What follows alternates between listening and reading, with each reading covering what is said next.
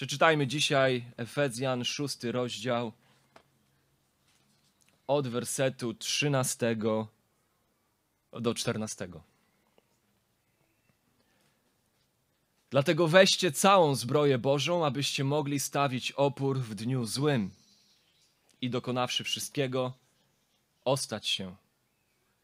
Stójcie więc, opacawszy biodra swoje prawdą, przywdziawszy pancerz sprawiedliwości.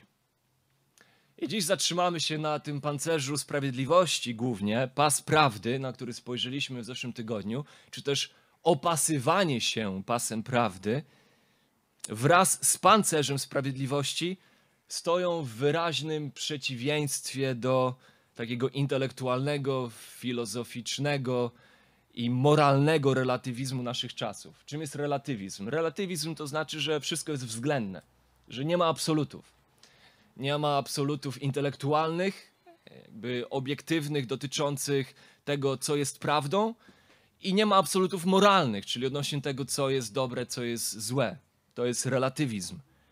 I pas prawdy i pancerz sprawiedliwości to są te dwa takie elementy zbroi, które stoją w wyraźnym przeciwieństwie do tego, czym świat jest zafascynowany dzisiaj. Czyli tym właśnie relatywizmem intelektualnym, a także i moralnym. Słowo Boże mówi nam, że istnieje prawda i istnieje sprawiedliwość. Istnieje prawda absolutna i istnieją moralne standardy absolutne. Absolutne standardy moralne. I narzędzia szatana możemy spodziewać się, że będą takie, by prawdę atakować i atakować też moralność. Możemy spodziewać się, że narzędziami szatana i ataków diabelskich będzie fałsz i będzie nieprawość. Będzie zwiedzenie ludzi fałszem, przed czym Biblia przestrzega wielokrotnie, i będzie też ich wprowadzenie na ścieżki grzechu, czy nieprawości, bezprawia. Filozof Alan Bloom takimi słowami rozpoczyna swoją bestsellerową książkę pod tytułem Umysł zamknięty. Jest jedna rzecz, której nauczyciel akademicki może być całkowicie pewien. Niemal każdy student przychodzący na uniwersytet sądzi, a przynajmniej tak mu się wydaje, że prawda jest względna. Kiedy odnieść się do tego przekonania sceptycznie, reakcja studentów jest zawsze taka sama zdumienie. Kwestionowanie względności prawdy jest dla nich równie zaskakujące jak podawanie wątpliwość sumowania 2 plus 2 równa się 4. Są to rzeczy, nad którymi nikt się dziś nie zastanawia.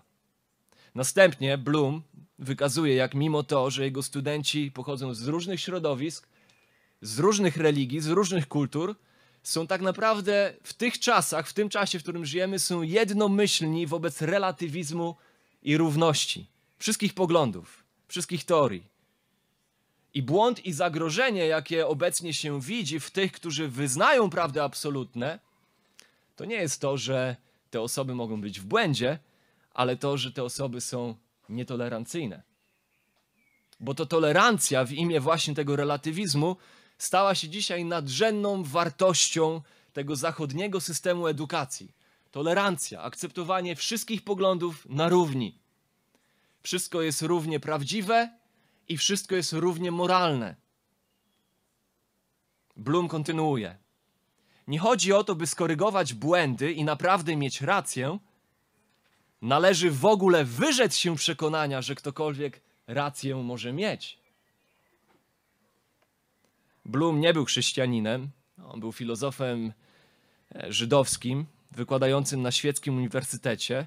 On próbował wykazać absurdy relatywizmu intelektualnego. I on wykazuje w swojej książce w bardzo pomocny sposób, jak taka postawa, postawa relatywizmu de facto zamyka drzwi do jakiegokolwiek racjonalnego dialogu. Zamyka drzwi do nabywania dobrego wykształcenia i do jakichkolwiek prób poprawy społeczeństwa przez analizę y, problemów i rozwiązywanie problemów tego społeczeństwa. No i niestety my żyjemy w społeczeństwie, które system, którego system wartości został zdominowany właśnie przez relatywizm, przez względność wszystkiego. Wszystko jest równie dobre, dopóty, dopóki działa. Dopóki tobie działa, dla ciebie działa, jest to ok, jest to słuszne, jest to prawdziwe, jest to dobre. Ale jeżeli pozbędziemy się idei prawdy absolutnej, to jednocześnie musimy się także pozbyć absolutów moralnych. Jedno zawsze będzie szło za drugim. Jeżeli pozbędziemy się prawdy absolutnej, musimy się pozbyć także i absolutów moralnych. I tutaj z kolei Mark Halprin, amerykański pisarz i dziennikarz, opisuje niebywałą gorliwość profesorów i studentów w obronie relatywizmu, gdy pewnego razu przyszło mu, dostał okazję, żeby przemawiać na jednym z kampusów Uniwersytetu w Massachusetts. Wkrótce okazało się, że szybko tam wdał się w debatę na temat składania ofiar z ludzi i kanibalizmu. I choć w sumie ci wykształceni ludzie, studenci i profesorzy na tym uniwersytecie, tam w Massachusetts, oni nie byli za składaniem w ofierze dzieci bogom, na podobieństwo starożytnych Majów czy Azteków. I choć oni nie byli zwolennikami kanibalizmu na podobieństwo, nie wiem, wysp Morza Karaibskiego sprzed 150 lat, to jednocześnie nie chcieli nazwać tych zachowań złem. Nie chcieli ich nazwać złem. I Halprin pisze: Przyjęcie stanowiska, że ofiary z ludzi i kanibalizm są złe, oznaczałyby nie tylko odrzucenie relatywizmu, lecz także postawienie siebie w jednym rzędzie z cywilizacją zachodnią. A tego zrobić nie chcieli. Nie trudno też znaleźć studentów, którzy mają problem z otwartym przyznaniem, że Holokaust był złem. Pisze o tym Bloom w swojej książce. Jeden student powiedział tak. Oczywiście, że nie lubię nazizmu i nazistów, lecz kto ma prawo powiedzieć, że byli w błędzie? Choć z jednej strony ci ludzie czują odrazę do tego, co zrobił Hitler, to z drugiej strony ową odrazę przedstawiają jako kwestię bardziej osobistych preferencji, aniżeli absolutnych sądów moralnych. To są czasy, w których żyjemy. To mogą być jakieś tam skrajne przykłady. I oczywiście chcielibyśmy, aby sprawy miały się inaczej w kościele, lecz ankiety przeprowadzone w USA, jestem przekonany, że one są bardzo podobne w Polsce. To są ankiety z początku lat 90., pokazują na początku lat 90., że tylko 23% tych, którzy uważają się za odrodzonych, nawróconych chrześcijan, wierzy, że prawda jest absolutna. I kiedy rozejrzymy się dookoła, musimy uczciwie przyznać, że nie trudno usłyszeć właśnie od chrześcijan, że jako chrześcijanie przecież nie powinniśmy nikogo osądzać, że w imię miłości powinniśmy raczej wszystkich kochać, wszystkich tolerować i wszystkich akceptować za to, kim są i jacy są. Absolutnie nie możemy nikogo osądzać. Taką mantrą, mottem dzisiejszego chrześcijaństwa stał się werset z Mateusza 7 rozdziału: Nie sądźcie, bo takim samym sądem, jak sądzicie, wy będziecie osądzeni. Więc zamiast tego należy kochać wszystkich ludzi bez względu na to, jak żyją, jak siebie identyfikują, kim są w swoich praktykach seksualnych, jakie mają poglądy na płeć. I tak oto w kręgach chrześcijańskich coraz powszechniej akceptuje się wszystko, bez względu na to, co powiedział o tym Bóg. Bo najważniejsze nagle staje się to, jak dana rzecz sprawia, że ja się czuję, aniżeli co o danej rzeczy myśli i mówi Bóg. I zapewne to Paweł miał na myśli w drugim Tymoteusza w czwartym rozdziale, wersety 3 i 4, kiedy pisał do Tymoteusza, że przyjdzie czas, że ludzie zdrowej, zdrowej, czy tam z greki higienicznej, takiej właściwej, prawdziwej nauki nie ścierpią, ale według swoich upodobań nazbierają sobie nauczycieli rządni tego, co ucho łechce i odwrócą ucho od prawdy, a zwrócą się ku baśniom. Jestem przekonany, że to właśnie Paweł miał na myśli. Miał na myśli ludzi, którzy są zaabsorbowani słuchaniem tego, co sprawia, że oni dobrze się czują, a nie zaabsorbowani poszukiwaniem tego, co jest prawdą, w odróżnieniu od tego, co jest fałszem. Nie zaabsorbowani poszukiwaniem tego, co jest właściwe, w odróżnieniu od tego, co nie jest właściwe. Nie zaabsorbowani tym, by poszukiwać tego, co jest prawe, aniżeli tego, co jest nieprawością i jest grzechem. Porzucenie prawdy nieuchronnie i konsekwentnie musi prowadzić do porzucenia moralności i prawości. Ci sami ludzie opisani w drugim Tymoteusza 4, 3, 4 opisani są przez Pawła jeden rozdział wcześniej, w trzecim rozdziale, jako ci ludzie, którzy sobie będą gromadzić nauczycieli, którzy będą uczyć tego, co sprawia, że oni po prostu dobrze się czują. Będą chcieli być w kościołach, w których mogą wysłuchać kazania i powiedzieć: Czuję się lepiej na swój własny temat. O, jak ten kościół sprawia, że jest mi dobrze z samym sobą.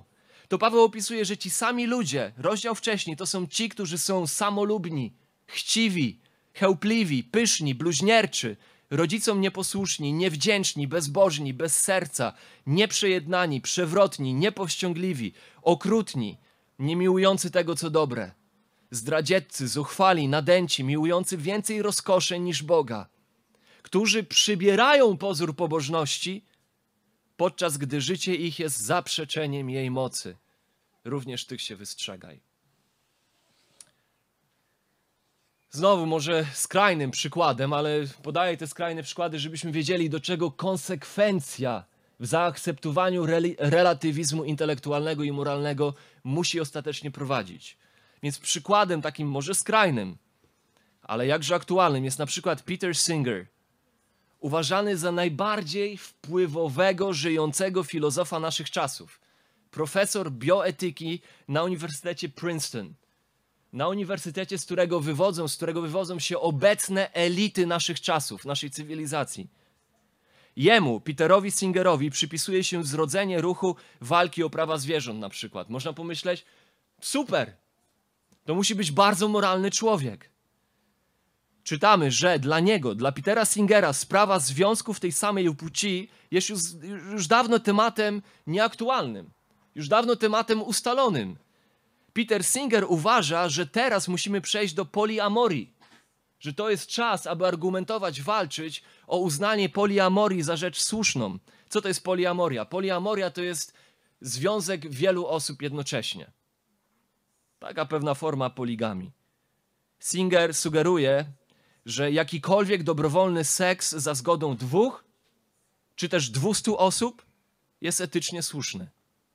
To nie wszystko. Singer uważany za największy autorytet naszych czasów, uważa, że zoofilia nie jest zła w jej moralnym sensie. Singer uważa, uwaga, nie jest czymś złym, mówi Singer, aby rodzice spłodzili dziecko, tak by po jego narodzinach z premedytacją je zabić, aby jego organy przeszczepić swemu starszemu dziecku. Singer uważa, że etycznie słusznym byłoby oczywiście zabić roczne dziecko, które posiada fizyczne lub intelektualne ograniczenia. Ten człowiek uczy etyki na, na Uniwersytecie Princeton, z którego jeszcze raz biorą się elity naszych czasów. I też kiedy mówię o tych rzeczach, nie, nie wpadajmy w pychę. Nie myślmy sobie, ale ten świat jest zły, my tutaj sobie siedzimy bezpiecznie w Milanówku, w Arce tacy poukładani, święci, my przecież rozumiemy, że jest inaczej. Nie wpadajmy w pychę. To może być i mógłby być każdy z nas. Jeżeli jest inaczej, to jest to wynikiem tylko i wyłącznie łaski Bożej w naszym życiu, a nie naszego własnego intelektu i nie naszej wyższości moralnej. I co więcej, musimy pamiętać, że nieważne w jakim stopniu deformujemy prawdę i w jakim stopniu okazujemy się nieprawi to nasz status przed Bogiem stawia nas dokładnie w takiej samej pozycji, jak tych ludzi, których przykłady przytoczyłem. Bogu nie imponuje nasz intelekt i Bogu nie imponuje nasza ludzka prawość i nasza ludzka moralność. Bóg nie mierzy nas na podstawie tego, jak bardzo zdeprawowani jesteśmy. Słowo Boże uczy nas w liście Jakuba, że kto zawini w jednym, winien jest wszystkiego. Jest winien złamania całego prawa. Dlatego Biblia może powiedzieć o nas wszystkich, że wszyscy jesteśmy grzesznikami i wszystkim nam jest brak chwały Bożej.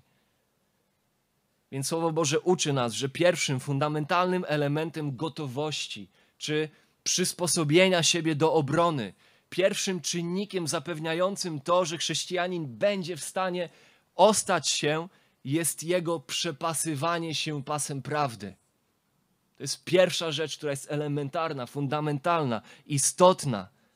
Jest to gest przygotowania żołnierza do boju, kiedy on bierze swoją tunikę i przygotowuje siebie do tego, żeby stanąć do walki. Żołnierz, który poważnie traktował walkę, upewniał się, że jego tunika jest podwinięta, wciśnięta pod pas, a pasem, który ma bezpiecznie opasać wierzącego, czyniąc go zdolnym do tego, by się ostać, jest prawda. Niezmienna, wieczna, objawiona, prawda Boża, pochodząca z Jego słowa, objawiona też w Jego stworzeniu i przede wszystkim objawiona w Jego Synu, w Chrystusie, który samo sobie powiedział: Ja jestem prawdą. Ja jestem prawdą. Jestem drogą, prawdą i życiem, i nikt nie przychodzi do Ojca jak tylko przeze mnie. To jest ten zresztą, o którym Słowo Boże mówi nam, on jest doskonałym odbiciem boskiej chwały. Stary Testament to Jego zapowiada. Ewangelie Nowego Testamentu to Jego objawiają Chrystusa. Dzieje apostolskie Jego rozgłaszają. Listy nowotestamentowe Jego wyjaśniają, a Księga Objawienia ponownie Go oczekuje. Wszystko jest o Nim. On jest ucieleśnieniem prawdy, On jest objawieniem prawdy, On jest istotą prawdy. Ale o prawdzie było w zeszłym tygodniu. Dzisiaj drugim elementem zbroi, widzimy istotnym do tego, by się ostać, jest pancerz sprawiedliwości. Stójcie tedy, opasawszy biodra swoje prawdą, przywdziawszy pancerz sprawiedliwości. Pancerz, o jakim pisze tutaj Paweł, to jest powszechny element zbroi starożytnych żołnierzy, nie tylko żołnierza rzymskiego, ale w ogóle żołnierzy. Żołnierz przyodziewał pancerz na swój tułów, pancerz chronił żołnierza od szyi, aż po pas, chronił go z przodu i chronił go z tyłu. Pancerz miał za zadanie chronić jego serce i te jego najistotniejsze wewnętrzne organy przed śmiertelnymi ciosami. Paweł tutaj ewidentnie czerpie z obrazu Izajasza 59:17, taka ciekawostka. Jakby ktoś myślał, że Paweł szukał inspiracji patrząc na strażnika rzymskiego, który tam go bronił w więzieniu, bo Paweł pisze list do Efezjan z aresztu. E, więc jeżeli ktoś myśli, że Paweł zaczerpnął inspirację patrząc na strażnika rzymskiego, to myślę, że Paweł zaczerpnął inspirację z tego, że znał Słowo Boże. Znał chociażby Księgę Izajasza. I w powiązaniu tego, tych obrazów, które znał z Pisma Świętego, może fakt, że tam stał przy nim jakiś strażnik rzymski, e, to przez, zrobił jakiś przeskok do w ogóle żołnierza rzymskiego i w ten sposób z natchnienia Ducha Świętego wpadł na tę myśl, żeby powiązać te duchowe prawdy z elementami zbroi. W każdym razie tutaj widzimy ewidentnie Paweł czerpie raczej ze Starego Testamentu, Izajasza 59:17, gdzie to Bóg ukazany jest jako wojownik. I tam czytamy: Przyoblógł się w sprawiedliwość, jak w pancerz, i hełm zwycięstwa włożył na swoją głowę.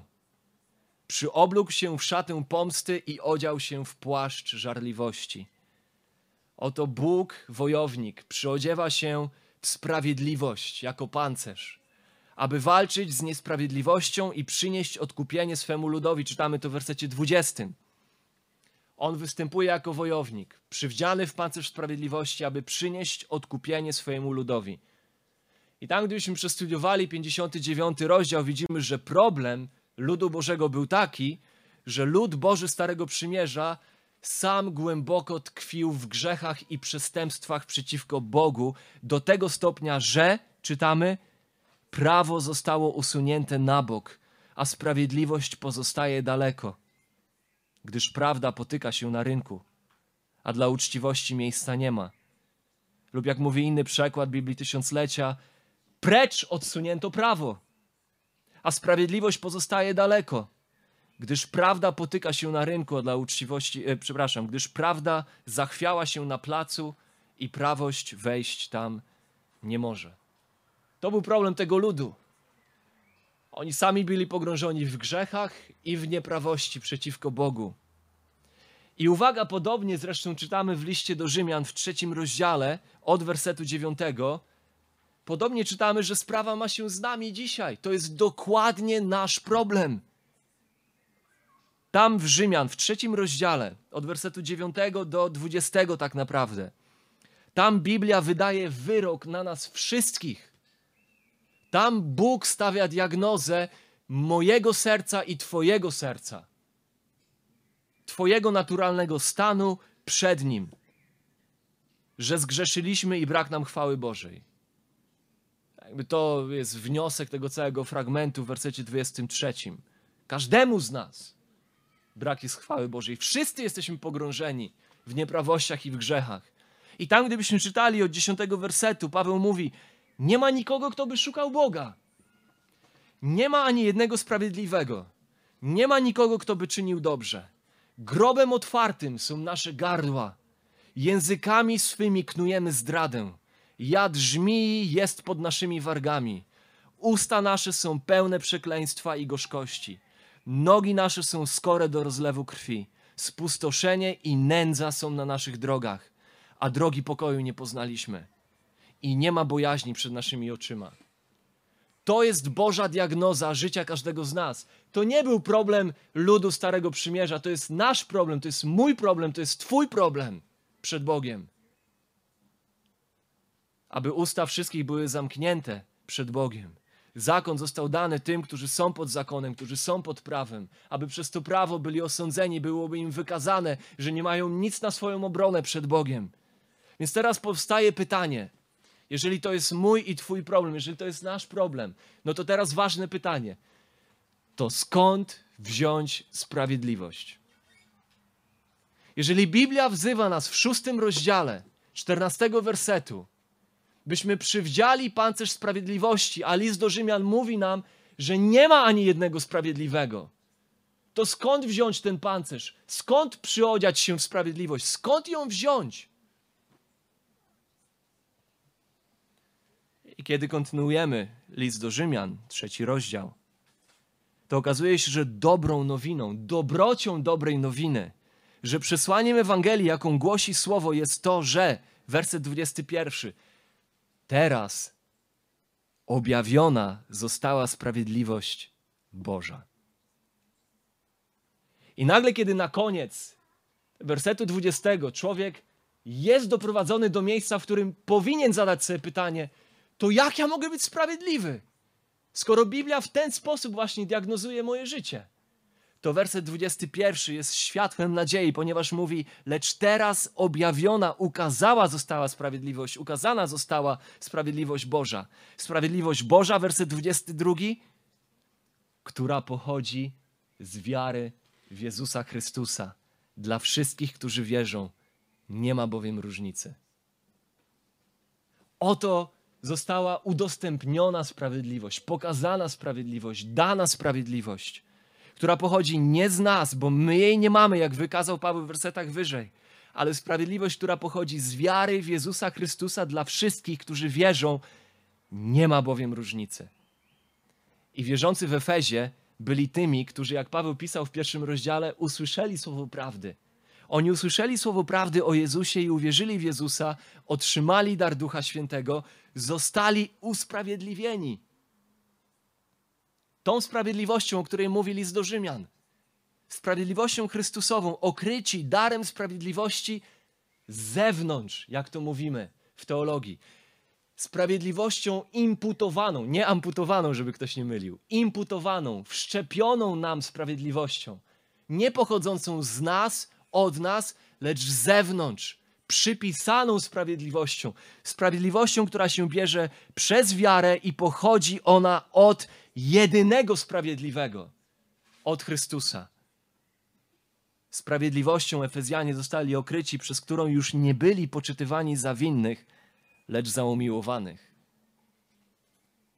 Nie jako tych, którzy podlegali gniewowi Bożemu, ale jako tych, którzy stali się obiektem Jego łaski jak czytamy w Rzymian 5:1. Usprawiedliwieni tedy z wiary. To jest forma tego słowa, czasownikowa forma tego słowa sprawiedliwość. Usprawiedliwieni tedy z wiary, pokój mamy z Bogiem przez naszą religijność, przez naszą uczynkowość, przez naszą moralność, przez nasze zaangażowanie, przez nasze czytanie Biblii o poranku, przez naszą praktykę i zwyczaj modlenia się, przez nasze starania, by być pobożnymi. Słowo Boże mówi: Usprawiedliwieni tedy z wiary pokój mamy z Bogiem przez Pana naszego Jezusa Chrystusa. To On jest moją sprawiedliwością, człowiek wierzący mówi i powinien powiedzieć. Grzechy Efezjan zostały przebaczone na podstawie kary, którą poniósł za nich Chrystus. Efezjan 1:7. Zostali pojednani z Bogiem przez Chrystusa. Kolosan 1:22 i mogą cieszyć się nowym statusem przed Bogiem jako synowie i córki Boga dzięki krwi Chrystusowej i przez jego sprawiedliwość. Przez to, kim on jest w swoim życiu, śmierci i zmartwychwstaniu. Efezjan 1:5, Galacjan 4:6. Oto sprawiedliwość Boża została objawiona nie w Twoich uczynkach, nie w moich uczynkach. Oto sprawiedliwość Boża została objawiona nie w naszych zasługach, nie w naszych staraniach, nie w naszej religijności, nie w naszej tradycji, nie w naszej moralności, ale w Chrystusie, mówi Słowo Boże. Przez Chrystusa dla wszystkich, którzy wierzą. Dla wszystkich, którzy wierzą. 2 Koryntian 5:21, dlatego tam Paweł może powiedzieć o tej fantastycznej zamianie, jaka nastąpiła w tym, co Chrystus zrobił na krzyżu, w dziele Jego życia, śmierci i zmartwychwstania. Oto ten, który grzechu nie znał, grzechem został uczyniony, abyśmy my w nim stali się sprawiedliwością Bożą. Oto co jest to, co było prawdziwe, co jest prawdziwe na nasz temat, czyli to, że jesteśmy nieprawi, grzeszni, zostało przypisane Jemu na krzyżu. Aby to, co jest prawdziwe na Jego temat, czyli że oto ten, który jedynie jest sprawiedliwy przed oczyma doskonale świętego Boga, zostało przypisane nam. I oto ten, który mimo że grzechu nigdy nie miał, grzech został mu przypisany. Tak byśmy my, którzy sprawiedliwości nie mamy, sprawiedliwość została nam przypisana. Jego sprawiedliwość. To jest dokładnie to, co mamy na myśli, kiedy mówimy o sprawiedliwości nam przypisanej, zewnętrznej. Rzymian 8:1, dlatego tam Paweł może powiedzieć, że oto dla tych, którzy są w Chrystusie, nie ma już żadnego potępienia. Zauważcie, że Paweł nie pisze, nie ma potępienia dla tych, którzy swoimi staraniami wystarczająco mocno wykażą, że są pobożni i święci. Nie ma potępienia dla tych, którzy są w Chrystusie, których tożsamość stała się tożsamością ukrytą w Nim. Oto On stał się tym, co definiuje mnie, moje zbawienie, moje życie. Mimo, że uczynki nasze były złe, mimo że to, na co zasługiwaliśmy, to był sąd Boży, mimo że nasze starania były skupione na naszym osobistym poczuciu własnej sprawiedliwości, a nie na oddawaniu Bogu chwały. Mimo że nasza religijność nawet była po naszemu i była głównie dla nas, to w życiu, śmierci i zmartwychwstaniu Chrystusa dokonuje się najwspanialsza zamiana. I teraz pytanie, czy to o tę sprawiedliwość chodzi Pawłowi, kiedy on pisze: Przywdziejcie pancerz sprawiedliwości, okryjcie swoje serce i swoje wnętrze przed ciosami diabelskimi, właśnie tą sprawiedliwością. Czy to właśnie tę sprawiedliwość ma na myśli, gdy pisze o pancerzu sprawiedliwości? Czy chodzi mu więc o tę sprawiedliwość przypisaną nam z zewnątrz? Sprawiedliwość Chrystusową. Innymi słowy, czy jemu chodzi o nasz nowy status przed Bogiem, który mamy dzięki Chrystusowi, przez nasze pojednanie z Nim. Czy to Jemu chodzi o to przejście z bycia obiektem Bożego gniewu do bycia obiektem Jego łaski?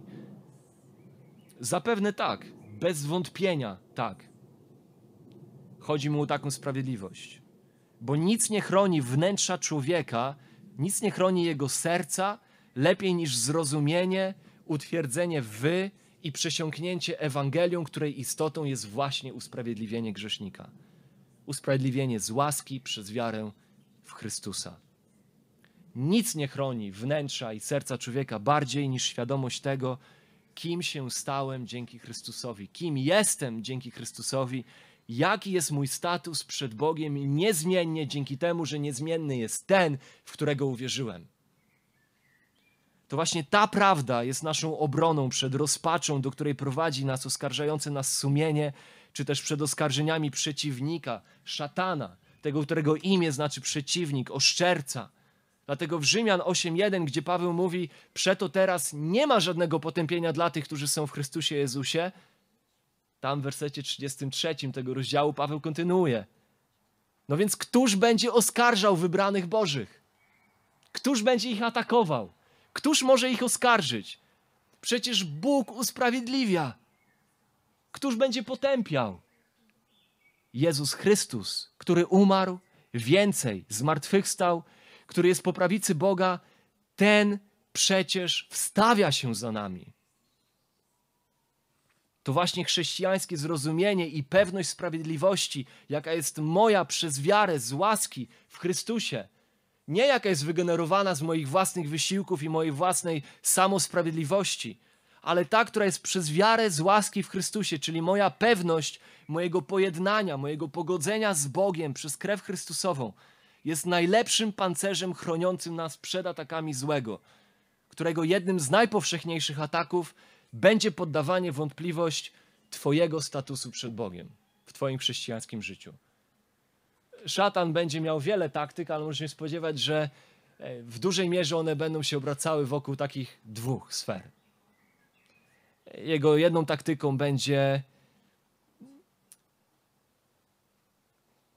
takie podważanie tego, że łaska Boża może być wystarczająca do tego, by zbawić Ciebie i uczynić Ciebie dzieckiem Bożym na wieki.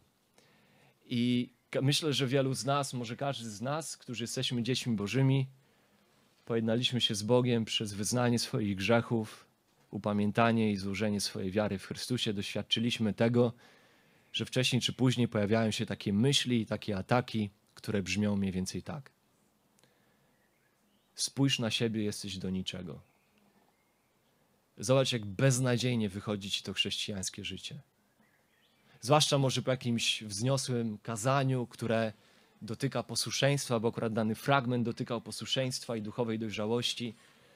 I ty wracasz do domu, budzisz się w poniedziałek, wstajesz z łóżka lewą nogą i na koniec dnia zdajesz sobie sprawę, że ten dzień przeżyłeś raczej marnie dla Bożej chwały. I wtedy pojawiają się myśli właśnie tego typu. Zobacz, jak jesteś beznadziejny, jesteś do niczego. Bóg na pewno nie mógłby dalej Ciebie akceptować. Może innych tak, ale nie Ciebie. Zobacz, jak po raz kolejny przegrałeś z tym i z tym grzechem.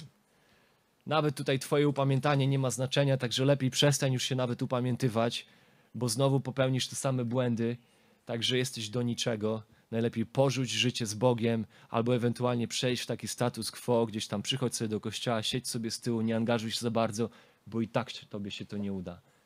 Jesteś beznadziejny, jesteś marny. Bóg nie mógłby kochać, nie mógłby zbawić i nie mógłby dalej zbawiać takiego grzesznika, jakim jesteś ty. Ale kiedy w obliczu tych różnych ataków człowiek Boży, wgłębiając się w doktrynę usprawiedliwienia z łaski przez wiarę, która jest w Chrystusie, zacznie odpierać te ataki mówieniem tym: Tak, jestem wielkim grzesznikiem, ale mam wielkiego zbawiciela. Tak, wiem, że jest w moim życiu wiele grzechu, ale w Chrystusie jest jeszcze więcej łaski. Także wiem, że tak bardzo jak znowu zawiodłem, wiem, że mogę powstać, wyznać swoje grzechy i chwytać się tego, że w Chrystusie jestem niezmiennie sprawiedliwy przed obliczem Ojca, bo ja nie jestem sprawiedliwy moją sprawiedliwością. Bo ja nie staję się bardziej sprawiedliwy, kiedy żyję lepiej, i nie staję się mniej sprawiedliwy, kiedy żyję gorzej. Jestem tak samo sprawiedliwy, bo jestem usprawiedliwiony nie moją sprawiedliwością, ale Chrystusową, która jest ta sama wczoraj, dzisiaj na wieki, jak mówił Bunian w swojej biografii łaska obfitująca największemu z grzeszników. Więc kiedy zaczynasz odpierać te ataki biblijną prawdą o tym, że Bóg zbawia ciebie nie na podstawie ciebie, ale na podstawie swojego syna Chrystusa, to wtedy zazwyczaj szatan przyjdzie z drugą taktyką. I zacznie gdzieś tam zaczną pojawiać się tego typu ataki, które brzmią mniej więcej tak. Spójrz na siebie, jesteś całkiem niezłym chrześcijaninem. Zobacz, całkiem nieźle wychodzi ci to chrześcijańskie życie jesteś ugruntowany teologicznie, ugruntowany doktrynalnie, wstajesz na nogi, trzymasz się Bożych prawd, zobacz jak służysz w kościele, zobacz jak wiele dobrych rzeczy robisz. Nie tylko jesteś dobrym chrześcijaninem, ale może jesteś jednym z lepszych. Może jesteś jednym nawet z najlepszych. Szczególnie w tym kościele, w którym jesteś. Spójrz na innych. Oni są bardziej wycofani, może bardziej leniwi, może mniej się angażujący. Jesteś jednym z tych lepszych, prawda? I bardzo często zobaczymy, że w życiu gdzieś tam to nasze chrześcijańskie bycie atakowanym oscyluje wokół tych dwóch rzeczy. Walka pomiędzy wpadaniem w grzeszną rozpacz, a wpadaniem w pychę. I oczywiście tym, co rozwiązuje oba te problemy, jest wpatrywanie się w Chrystusa. Przekierowanie swoich oczu z siebie, zarówno w rozpaczy, jak i w pysze, i przekierowanie ich na to, kim jesteśmy w Chrystusie. Śpiewaliśmy dzisiaj pieśń przed Bożym Tronem. W drugiej zwrotce śpiewaliśmy, gdy z pokusami walczę znów, a ciężar win zbyt wielki jest. Pamiętam wtedy, że sam król z niewoli grzechu wyrwał mnie. Możemy też tam śmiało powiedzieć, że z ciężar win, gdy ciężar win zbyt wielki jest, pamiętam wtedy, że sam król jest tym, który usprawiedliwił mnie. To zbawcy śmierć sprawiła, że ma grzeszna dusza wolna jest w nim. Sprawiedliwość stała się. W nim przebaczenia, przebaczenie znajdę swe. W nim przebaczenie znajdę swe. Przywdziewanie więc pancerza sprawiedliwości oznacza nabywanie poznania, doceniania tej mojej nowej tożsamości, którą wykupił swoim życiem, śmiercią i zmartwychwstaniem Chrystus, szczególnie w odniesieniu do Niego jako tego, który jest moją sprawiedliwością. Przywdziewajmy więc pancerz sprawiedliwości, będąc ugruntowanymi w tym, co to znaczy, że Bóg daje nam sprawiedliwość, która jest Chrystusowa. 1 Koryntian 1:30 Dlatego tam Paweł może powiedzieć, ale wy dzięki niemu jesteście w Chrystusie Jezusie, który stał się dla nas mądrością od Boga i sprawiedliwością. To On stał się dla nas sprawiedliwością i poświęceniem i odkupieniem. Marcin Luther, kiedy czytamy jego biografię, on jeszcze przed tym, zanim zrozumiał sprawiedliwość Bożą i jej objawienie, on mówi, on pisze: Nienawidziłem sprawiedliwości Bożej. Kiedy czytał fragment z listu do Rzymian pierwszego rozdziału, że to sprawiedliwość Boża objawia się przez wiarę z wiary, on nie rozumiejąc tego, co tam pisze Bóg w swoim słowie, objawia w swoim słowie, on mówi: Nienawidziłem idei Bożej sprawiedliwości. Myślałem, że sprawiedliwość, do której wzywa nas Bóg, która ma nas zbawić, to jest sprawiedliwość naszych własnych wysiłków. I w późniejszych latach Luther wspomina czas spędzony w generowaniu swojej własnej sprawiedliwości w ten sposób, w niej pokładając ufność na swoje zbawienie. Posłuchajmy, on wspomina to tak. Byłem zakonnikiem przez 20 lat. Torturowałem siebie modlitwami, postami, czuwaniami, a nawet skrajnym zimnem. Samo zimno o niemal mnie. Przepraszam. Samo zimno o niemal mnie nie zabiło. Zadawałem sobie taki ból, jakiego bym już nigdy sobie nie zadał. Jeśli był jakiś zakonnik, który mógłby zbliżyć się do nieba poprzez swoje zakonnictwo, to ja nim byłem. Lecz Luther nie znalazł uwolnienia z poczucia winy, ze świadomości swojej własnej grzeszności z powodu e, tego, e, tego, tej ulgi, nie znalazł uwolnienia jakby w wyniku swoich starań, swoich zabiegów. Kontynuował studia teologiczne, był niesamowicie inteligentny. W 1510 roku spowiednik Lutra, nie wiedząc jak poradzić sobie z poczuciem winy, które Luther cały czas przeżywał, będąc świadomym tego, że mimo swoich starań nadal jest grzesznikiem, uznał, że podróż do Rzymu na pewno zrobi mu dobrze, do miejsca świętego, ale kiedy Luther dotarł do świętego miasta, był zszokowany rozpustą, hipokryzją, deprawacją, jakie tam zobaczył. Wrócił do Wittenbergi, zrobił doktorat, zaczął nauczać na uniwersytecie w Wittenberdze. Jego studia też nie przyniosły mu ulgi, cały czas zmagał się z takim pytaniem: Jak mogę stać się sprawiedliwy przed obliczem świętego Boga? Ja, który nieustannie jestem grzeszny. Kościół rzymski zalecał rzeczy takie jak spowiedź, pokuta, gromadzenie zasług przez dobre uczynki, lecz żadna z tych rzeczy nie przynosiła mu ulgi w sumieniu tego zakonnika. Nauczając Słowa Bożego na zajęciach uniwersyteckich, zaczął głosić po prostu z Biblii. Zaczął nauczać z psalmów, z listu do Rzymian, z listu do Galacjan, listu do Hebrajczyków, a potem powtórnie z psalmów. I zaczął dostrzegać ogromną różnicę pomiędzy tym, czego nauczało pismo, a tym, czego nauczał jego kościół. I próbując pojąć znaczenie Rzymian 1:17, sprawiedliwość, sprawiedliwy z wiary żyć będzie, jest tam napisane, Rzymian 1:17. Sprawiedliwy z wiary żyć będzie. Luther, próbując pojąć znaczenie tych słów, zrozumiał, że człowiek nie doznaje usprawiedliwienia poprzez swoją nieudolną sprawiedliwość, ale przez doskonałą sprawiedliwość Chrystusa, którą Bóg przypisuje grzesznikowi przez wiarę. Przez wiarę. I opisał ten przełom takimi słowami: Poczułem wtedy, jakbym narodził się na nowo i wkroczył do samego raju przez wrota szeroko otwarte. Tak jakby ktoś niezliczone ilości cegły i betonu zdjął z jego sumienia i z jego serca, które były wywołane, ten ciężar był wywołany jego świadomością jego grzeszności. Więc pytanie, w obliczu tego wezwania, przywdziewaj pancerz sprawiedliwości, abyś mógł ostać się. Czy rozumiesz w takim razie, co Biblia mówi o sprawiedliwości, jakiej potrzebujemy? Czy rozumiesz, co Biblia mówi o usprawiedliwieniu z łaski przez wiarę? Czy jest to tylko może jakiś zabieg teologiczny, doktrynalny, który myśli, że jest niepraktyczny i nie ma zbytnio znaczenia i nie warto w to wnikać, dzielić włosa na czworo? Czy wiesz, co Biblia mówi o usprawiedliwieniu z łaski przez wiarę? Czy rozumiesz doktrynę usprawiedliwienia? Czy rozumiesz, czym jest sprawiedliwość przypisana, imputowana? Czy wiesz, dlaczego biblijnie nie mówimy o tym, że w zbawieniu Bóg czyni nas sprawiedliwymi, ale że Bóg uznaje nas za sprawiedliwych? Czy rozumiesz tą subtelną różnicę, która sprawia tak naprawdę drastyczną różnicę w tym, jak my pojmujemy to, co Bóg dokonuje dla nas przez Ewangelię, przez dobrą nowinę.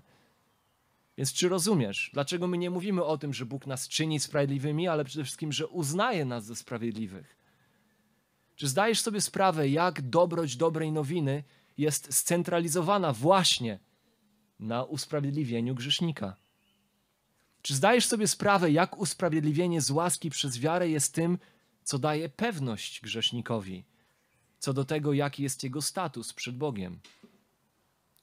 Czy Twoje serce jest chronione sprawiedliwością Chrystusową? Czy może tak naprawdę wciąż, może subtelnie, ale wciąż polegasz na swojej własnej?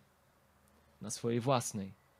Może ta sprawiedliwość Chrystusowa traktujesz ją jak tylko element Twojego nawrócenia sprzed paru lat, kiedy to poznałeś Jezusa i się nawróciłeś i, i On Ciebie zbawił, ale dzisiaj może żyjesz tak, jakby pobożność zależała od Ciebie. I Twój status przed Bogiem, kontynuacja Twojego zbawienia dzisiaj zależała od Twojej pobożności, od Twoich wysiłków, a nie od tego, co Chrystus zrobił od początku do końca. Lecz jest też drugi aspekt sprawiedliwości, którego krótko warto dotknąć. Bo oczywiście my głównie, kiedy słyszymy sprawiedliwość, mamy na myśli sprawiedliwość tą subiektywną, czyli naszą prawość, postępowanie w sposób słuszny, moralny, prawy. Nie tyle odnoszący się do naszej pozycji, statusu przed Bogiem, ze względu na przypisaną nam sprawiedliwość Chrystusową, no, lecz odnoszący się do naszego postępowania. I teraz pytanie, czy Paweł może mieć na myśli, kiedy mówi, przywdziejcie pancerz sprawiedliwości, to czy może mieć na myśli postępujcie w sposób prawy, postępujcie zgodnie ze sprawiedliwością. Odpowiedź brzmi, wydaje mi się, że tak. Że podobnie jak z prawdą, dwa aspekty prawdopodobnie Paweł ma na myśli, tak też i tutaj one siebie nie wykluczają. One tak naprawdę są dwiema stronami jednej monety. Paweł w liście do Efezjan już dwukrotnie pisał o sprawiedliwości w 4:24 i w 5:9 tam pisał, a obleczcie się w nowego człowieka, który jest stworzony według Boga w sprawiedliwości i świętości prawdy. A w 5.9 pisał o tym, że owocem światłości jest wszelka dobroć i sprawiedliwość i prawda. Więc widzimy, że poza sprawiedliwością przypisaną nam, która jest fundamentalna, która jest podstawą wszystkiego, którą Paweł tak naprawdę opisuje w trzech rozdziałach swojego listu, pierwszych trzech rozdziałach, ważna dla Pawła jest także sprawiedliwość praktyczna, etyczna. On jej nie porzuca. Paweł nie mówi, a skoro Bóg nam przypisał sprawiedliwość Chrystusową, to w sumie możemy sobie żyć jak chcemy, bo Bóg i tak nas usprawiedliwia. Paweł mówi, nie, nie, nie, nie, nie. Jeżeli prawdą jest to, że Bóg nas usprawiedliwił sprawiedliwością Chrystusa, to prawdą jest to, że uczynił nas nowym stworzeniem. A jeżeli uczynił nas nowym stworzeniem, to my powinniśmy przywdziewać nowe szaty, nowe postępowanie tego nowego człowieka, którym się staliśmy. A tą nową szatą tego nowego człowieka, pisze Paweł, jest między innymi sprawiedliwość, między innymi prawość. Owocem życia takiego człowieka, który został usprawiedliwiony z łaski przez wiarę, jest sprawiedliwość między innymi. Dlatego Paweł wzywa wierzących, by zdzierali z siebie starego człowieka z jego postępowaniem, przeodziewali się w nowego, który przejawia się w prawości. Pełnia przebaczenia za popełnione grzechy, doskonałe pojednanie z Bogiem, obdarzenie nas doskonałym statusem sprawiedliwości przed obliczem Boga oraz życie nacechowane prawością w codzienności są ze sobą więc splecione. Razem one wspólnie tworzą pancerz nie do przebicia. Ta świadomość obiektywnej sprawiedliwości, która jest moja w Chrystusie, przekładająca się na dbałość o rozwijanie prawości praktycznej. To jest ten pancerz, który jest do nie, nie do przebicia. Bycie uznanym przez Boga za sprawiedliwego na podstawie tego, co zrobił Chrystus, nieuchronnie będzie prowadzić do życia pobożności i prawości, która jest na wzór Chrystusowy. Tylko, że ta, to drugie wynika z tego pierwszego. Postawienie tego drugiego przed pierwszym to jest zawsze postawienie wozu przed koniem. I niemalże każda religia tego świata tak wygląda. Każda religia tego świata mówi: wykonuj, wykonuj, wykonuj, wykonuj, byś mógł sobie zaskarbić i zasłużyć na łaskę Bożą, żeby Bóg ciebie przyjął, zaakceptował. Biblijne chrześcijaństwo mówi: wykonało się. Bóg zrobił wszystko w Chrystusie, uchwyć się go, porzuć siebie, a wtedy z tego będzie wynikać Twoje przemienione życie. Ujmując to od drugiej strony, to wezwanie do praktycznej sprawiedliwości, Paweł zaznacza, innymi słowy, że życie w grzechu, że lekceważące podejście do świętości, lekceważące podejście do pielęgnowania prawości i pobożnego stylu życia, obojętność na życie w czystości sprawią, że będziesz podatny na porażkę w obliczu ataków złego musisz praktykować, y, pielęgnować prawość w swoim życiu, bo inaczej lekceważące podejście do duchowej dojrzałości i pobożności Twojego życia będzie Ciebie czynić podatnym na ataki złego, na porażki w tych atakach. Innymi słowy, jednym z dobrych sposobów na stanie się rozbitkiem w wierze jest stopniowe oddawanie siebie grzechowi kiedy najpierw myślisz, to jest małe, nikt tego nie zauważa, to za bardzo nie będzie miało wpływu, to tylko jeden raz, tylko dwa razy, to gdzieś tam w zaciszu. To Paweł mówi nie. To jest pierwszy krok do tego, żeby stać się rozbitkiem wierze. Natomiast pielęgnowanie prawości jest tym, co będzie chronić ciebie przed porażkami w atakach diabelskich. Pierwszym Tymoteusza w pierwszym rozdziale czytamy tam ciekawą rzecz. 1 Tymoteusza 1, werset 19.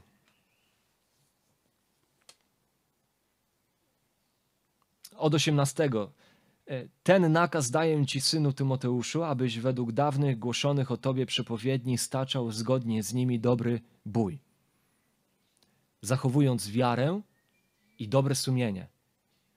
Tak jakby zachowując prawdę i sprawiedliwość. Wiara odnosi się do rzeczy, w które wierzysz, Tymoteuszu. Dobre sumienie odnosi się do Twojej prawości, do Twojego postępowania, Twojego życia. Więc Tymoteuszu, chcę, żebyś toczył dobry, zbój, e, dobry bój, zachowując prawdę i zachowując sprawiedliwość, zachowując wiarę i dobre sumienie, które pewni ludzie odrzucili i stali się rozbitkami w wierze. Bardzo ważna dla nas tutaj prawda. Bo kiedy by prześledzić e, historię ludzi, których może znamy osobiście, a, którzy stali się rozbitkami wierze, w jakiś, przez jakiś okres życia dawali wyraz jakiejś gorliwości, żarliwości duchowej, a potem ich życie duchowe wpadło w rozsypkę, to zazwyczaj zobaczymy, że to miało miejsce z powodu jednej z tych dwóch rzeczy, o której mówi tutaj Paweł.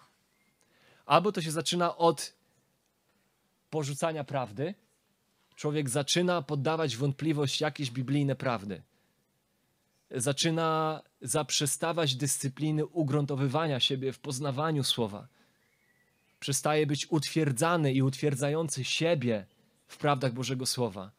I nagle prawdy Boże, w które kiedyś wierzył, stają się mu odległe. W tygodniu jest tak bombardowany światopoglądem ludzkim, filozofiami tego świata, że nagle prawdy Boże stają się mu coraz bardziej odległe i to z kolei zaczyna też prowadzić do tego, że coraz mniej mu zaczyna zależeć na tym, żeby żyć w prawy sposób, i nagle już go więcej w kościele nie widzimy. Albo dzieje się to w drugą stronę.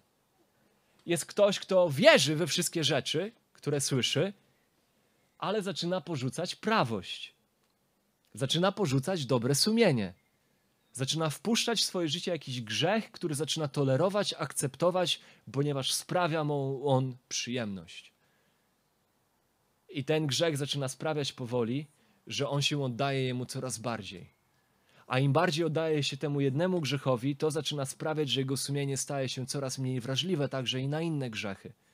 I nagle już jest mu bardziej obojętne, już nie tylko to, co on robi w tej jednej sferze swojego życia, ale i bardziej obojętne mu się staje to, co się dzieje z innymi sferami jego życia. Te drzwi y, do grzechu robią się coraz bardziej szeroko otwarte i coraz bardziej zapraszające. I im bardziej brnie, brnie w grzech, tym bardziej okazuje się, że jego serce zaczyna oddalać się od prawdy. Bo ten grzeszny styl życia, w który zaczął pielęgnować, nagle zaczyna prowadzić do tego, że zaczyna w swoim umyśle i w swoim sercu podważać prawdy, w które kiedyś uwierzył. Może to wcale nie jest tak, że to, co uwierzyłem do tej pory, jest prawdą, a może wcale nie jest tak, że Chrystus jest Panem i Królem, przed którego sądem stanę i przed którym zdam sprawę. Może to nawet Chrystus nie jest tym, który jest w stanie przebaczyć moje grzechy, więc będę dalej brnął w to, bo jest mi wstyd teraz wrócić do Chrystusa, więc będę dalej w to brnął, będę uciekał, bo Chrystus nie mógłby zaakceptować kogoś takiego jak ja, patrząc na to, jak wypielęgnowałem ten grzech przez ostatni rok swojego życia, więc dla mnie już nie ma miejsca na upamiętanie, więc z powodu swojego grzesznego życia zaczyna podważać prawdy. Więc albo porzuca prawdę, w wyniku czego zaczyna żyć niepraw, nieprawością, albo porzuca prawość, w wyniku czego zaczyna podważać prawdę konsekwencji efekt jest zawsze ten sam. Staje się rozbitkiem wieży. I przed tym ostrzega Paweł Tymoteusza. I przed tym ostrzega nas, tak naprawdę wzywając do przywdziewania pancerza sprawiedliwości. Dlatego też ważna jest ta druga strona monety, praktycznej sprawiedliwości i prawości, która wierzy, że jest elementem tego pancerza, czyli pielęgnowanie prawego życia. Bo jeżeli my nie jesteśmy zdyscyplinowani i zaangażowani intencjonalni, by pielęgnować prawość swojego życia, to będziemy właśnie podatni na to, by podnosić porażkę w pokusach i atakach diabelskich. Więc jeżeli istnieje jakaś trwała i znacząca przepaść pomiędzy naszym wyznaniem o Chrystusie, a naszym życiem na Jego podobieństwo, to możemy się śmiało spodziewać porażki w obliczu ataków diabelskich. Więc znowu pytanie, czy zabiegasz o prawość? Czy ją pielęgnujesz? Czy uwrażliwiasz swoje serce na grzech, czy może wręcz odwrotnie? I tak więc, kończąc, widzimy, że sprawiedliwość staje się ważnym elementem zbroi, który ma zapewnić nam ostanie się w obliczu ataków złego, tego, który przychodzi, by niszczyć, kraść i zatracać. I tak jak pielęgnowanie poznawania, chwytania się, doceniania prawdy i życia w prawdzie jest sposobem na pokonywanie prób szatańskich, by Ciebie zwieść, tak pielęgnowanie sprawiedliwości, zarówno tej obiektywnej i tej subiektywnej, która wypływa z tej pierwszej, jest sposobem, by oprzeć się Jego pokusom, pokusom, kiedy one przyjdą. Pokusom do złego i do deformacji moralnej naszego życia. Sposobem, w jaki możemy chronić siebie przed atakami na moralność Bożą objawioną w Biblii, jak możemy chronić siebie przed popadaniem w relatywizm intelektualny i moralny, w rzeczywistości będący zwiedzeniem i zdeprawowaniem, jest opasywanie siebie w pas pra- praw, prawdy, niezmiennej, absolutnej i przywdziewanie na siebie pancerza sprawiedliwości, tej przypisanej nam, usprawiedliwia, usprawiedliwiającej nas oraz pielęgnowanie prawego życia. Pochylmy głowy w modlitwie.